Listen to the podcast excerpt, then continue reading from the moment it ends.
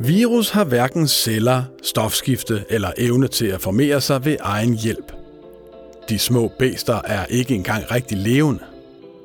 Alligevel er de mere talrige end nogen andre væsener på kloden, og langt hen ad vejen vores venner. Altså bortset fra, når de dræber os. Nu har vores kamp mod dem ført til en regulær vaccinerevolution. I Informations naturvidenskabelige serie er vi nået til kapitel 43. Mikkel Vorla og Johanne Pontoppidan Tuxen står bag.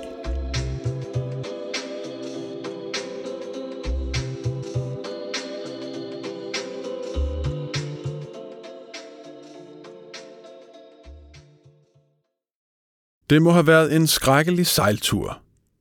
Midt i 1800-tallet var tre unge danskere fra Lindelse på Langeland draget til USA for at finde lykken. Eller i hvert fald for at finde guld. Fra Baltimore på østkysten skulle de til Kalifornien på kontinentets anden kyst, og derfor stod de sig sammen med hundreder af andre på et skib, der skulle bringe dem syd om Sydamerika. Men guldfeber var ikke det eneste folk var smittet med. Dengang var kopper en kæmpe dræber. Den første tid mærkede man intet. Så kom forkølelsen, høj feber, hovedpine, så udslæt i munden og ansigtet, og endelig kom så kopperne over hele kroppen. Kløende blære fyldt med hvidt pus, som blev til sår, og som kunne arre en for resten af livet, med mindre man døde. Og det gjorde mange. Intet siden pesten havde været så dødeligt, og kopper var med rette en frygtet sygdom, som eksempelvis dræbte en fjerdedel af Islands befolkning, da sygdommen ramte i 1707. Nu var den løs på skibet, og selvom vi ikke har de præcise tal, tyder beretningerne på, at det har været et temmelig slemt udbrud. Over halvdelen af de omtrent 800 passagerer døde på rejsen, har datteren til en af de rejsende fortalt mange år senere.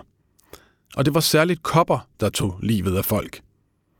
Men da skibet nåede Panama, vandrede tre unge langelændere ganske levende fra Bore, og derfra red de til Kalifornien og fandt guld.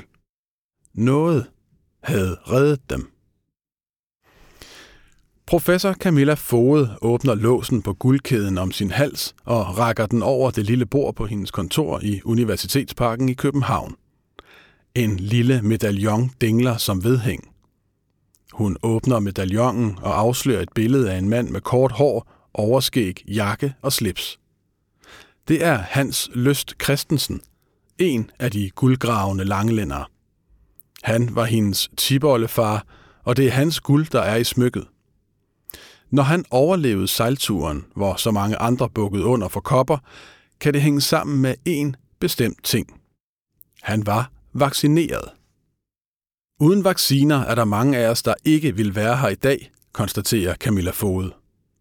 Selv er hun professor i vaccinedesign på Københavns Universitet og skriver sig dermed ind i en århundrede lang tradition for at træne immunforsvar. Der findes tidligere eksempler på vaccination, men det var først i slutningen af 1700-tallet, at metoden vandt indpas i lægevidenskaben og blev udbredt i vaccinationsprogrammer. Den britiske læge Edward Jenner var altså ikke den første til at foretage vaccinationer, men den første til at lave systematiske forsøg og publicere resultaterne.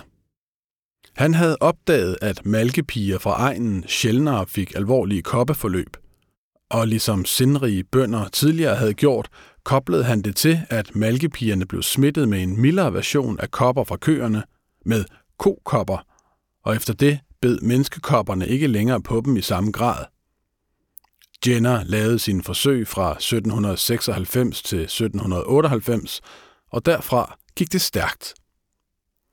Godt et årti senere indførte den danske konge indirekte tvangsvaccinering af befolkningen – du behøvede ikke lade dig vaccinere, men hvis du ville konfirmeres, giftes, gå i skole, have en læreplads eller hvis du skulle i militæret, ja, så skulle du fremvise dokumentation for, at du enten var blevet podet med kokopper eller havde overlevet en regulær koppeinfektion. Camilla Fodes tibollefar blev således vaccineret allerede inden han fyldte et år, i 1925 af Dr. Gebhardt i Rødkøbing. Med loven fra 1810 en mente kan man godt sige, at vaccinepas ikke er en ny opfindelse. Det er vaccineskepsis i øvrigt heller ikke. Modstandere af koppevacciner uddelte løbesedler, der viste mennesker med kohorn i panden og andre frygtelige, men dog fiktive bivirkninger. Med tiden blev de overvundet, og i dag er det uomtvisteligt, at vaccinen havde en enorm effekt. Efter massiv vaccinering over hele kloden kunne Verdenssundhedsorganisationen WHO i 1980 erklære sygdommen for udryddet på verdensplan. I dag findes der vacciner for et væld af ting, og i lande som Danmark har børnevaccinationsprogrammer nedbragt børnedødeligheden meget markant. Vaccinationer handler dog ikke bare om fortiden, men i høj grad om fremtiden. For lige nu står mennesket midt i en såkaldt vaccinerevolution, fortæller Camilla Fode. Et væld af nye vacciner er på vej ud, godt hjulpet på vej af coronapandemien – de bærer forskellige navne som mRNA-vacciner eller DNA-vacciner, men fælles for dem er, at de er baseret på genteknologi, og at de kan blive vores redning. Da verdens første vacciner blev skabt, anede ingen, hvad virus var. I 1892 opdagede russeren Dmitri Ivanovski, at noget smitstof kunne passere gennem et filter, som bakterier ikke kunne. Men det blev hollænderen Martinus Beierink, der efter lignende undersøgelser fandt på betegnelsen virus, som betyder gift. Først med opfindelsen af elektronmikroskopet i 1931 kunne mennesket se, hvordan disse bitte små virus tog sig ud. Og det var mildest talt nogle underlige kanaljer. Virus har ikke celler. Virus har ikke stofskifte, Virus kan hverken bevæge sig eller dele sig ved egen hjælp. Virus er ikke engang rigtig levende. De er dybest set bare nogle gener inde i et hylster af protein. Alligevel er de old gamle, og ingen væsner er mere talrige end dem. Bare i en dråbe vand er der 100.000 virus. Virus kan et trick, og det er effektivt. Når de møder en passende værtscelle, sætter de sig fast og sprøjter deres egne gener ind i cellen. Ligesom en computervirus overtager de nu styresystemet og får cellen til at producere nye virus, som så kan inficere flere celler. Det er derfor, antibiotika ikke bider på virus, fordi de bruger vores egne celler, som antibiotika ikke skader. Derfor er de sygdomme, som virus medfører, også svære at behandle. Alligevel insisterer den danske virusforsker Anders Fomsgaard på, at virus er vores ven. Fomsgaard er professor og leder af Statens Serum Instituts forsknings- og udviklingslaboratorie og har skrevet den oplysende og actionfyldte faktabog Det er bare en virus fra 2019, hvor man følger i hælene på ham, mens han farer rundt over hele kloden i hælene på virus. Virus er en del af os, siger han. I hundreder af millioner af år har de sprøjtet deres gener ind i levende celler, og over tid er en del virusgener blevet en permanent del af installationen. 8% af menneskets gener er for eksempel oprindeligt kommet fra såkaldte retrovirus, hvis RNA er blevet lavet om til DNA og har indlejret sig i menneskets kromosomer, så de bliver fragtet fra generation til generation og opfylder vigtige funktioner. Et af disse oprindelige virusgener sørger eksempelvis for, at mennesket producerer proteinet syncytin i moderkagen, som er afgørende for foldning af fosterets celleklump og tidligste udvikling. Uden virus ingen mennesker, som Anders Fomsgaard formulerer det. Der er virus i dyr, virus i insekter, virus i planter og virus overalt i os – for eksempel i tarmen, hvor en stor del snylter på de mange bakterier dernede. Netop den type virus kaldes for bakteriofager, og de ligner et slags landingsfartøj, som ondsindede rumvæsener kunne ankomme i i en sci-fi-film. Men virus kan antage mange former.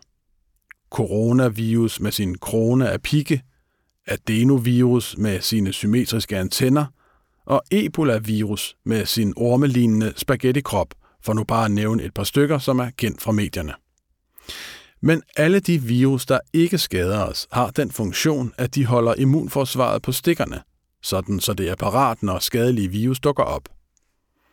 De nye virustrusler stammer ofte fra dyr, som lever relativt fredeligt med en virus, der får anderledes dramatiske konsekvenser for mennesker.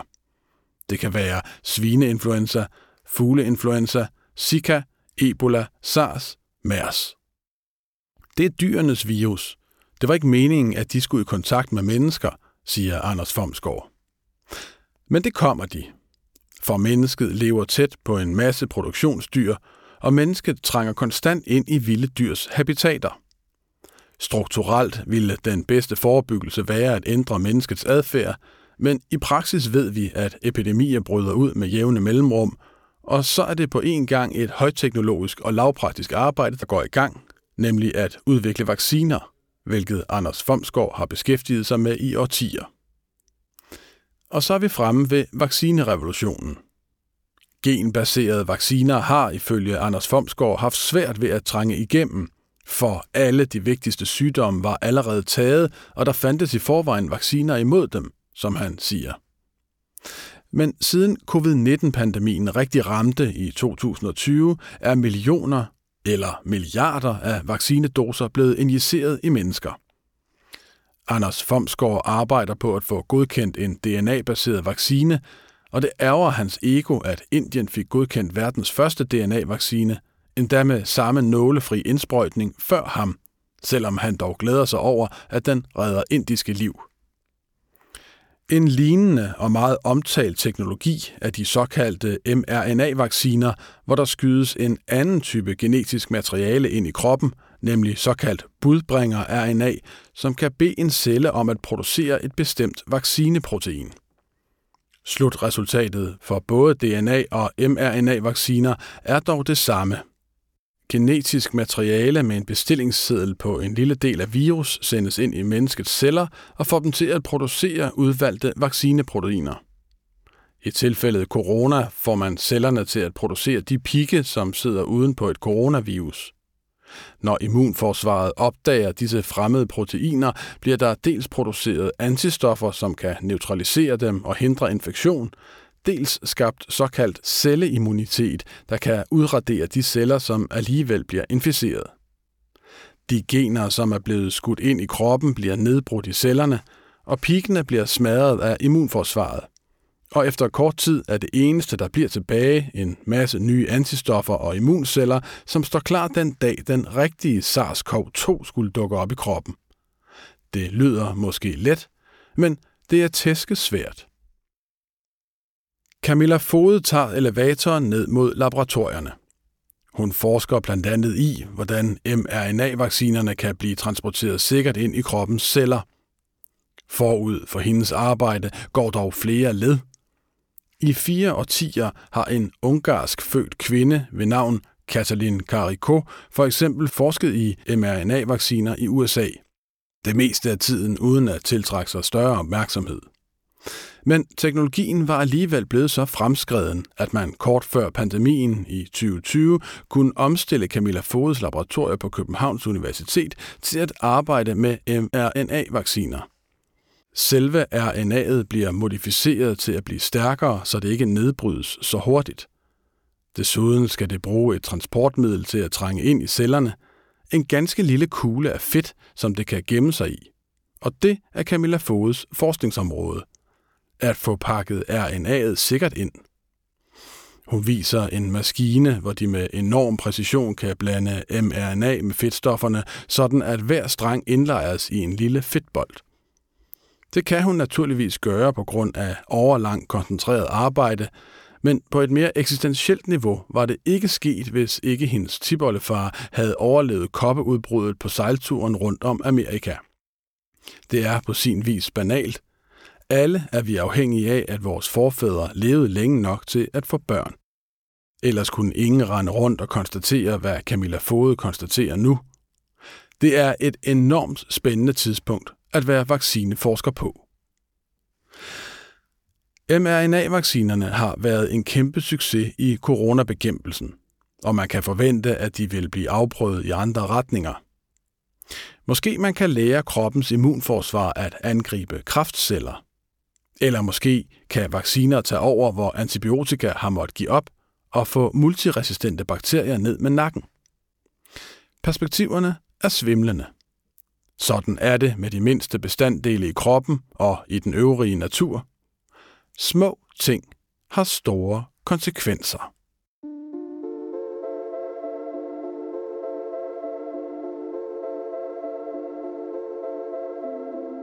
Det var kapitel 43 i vores naturvidenskabelige serie.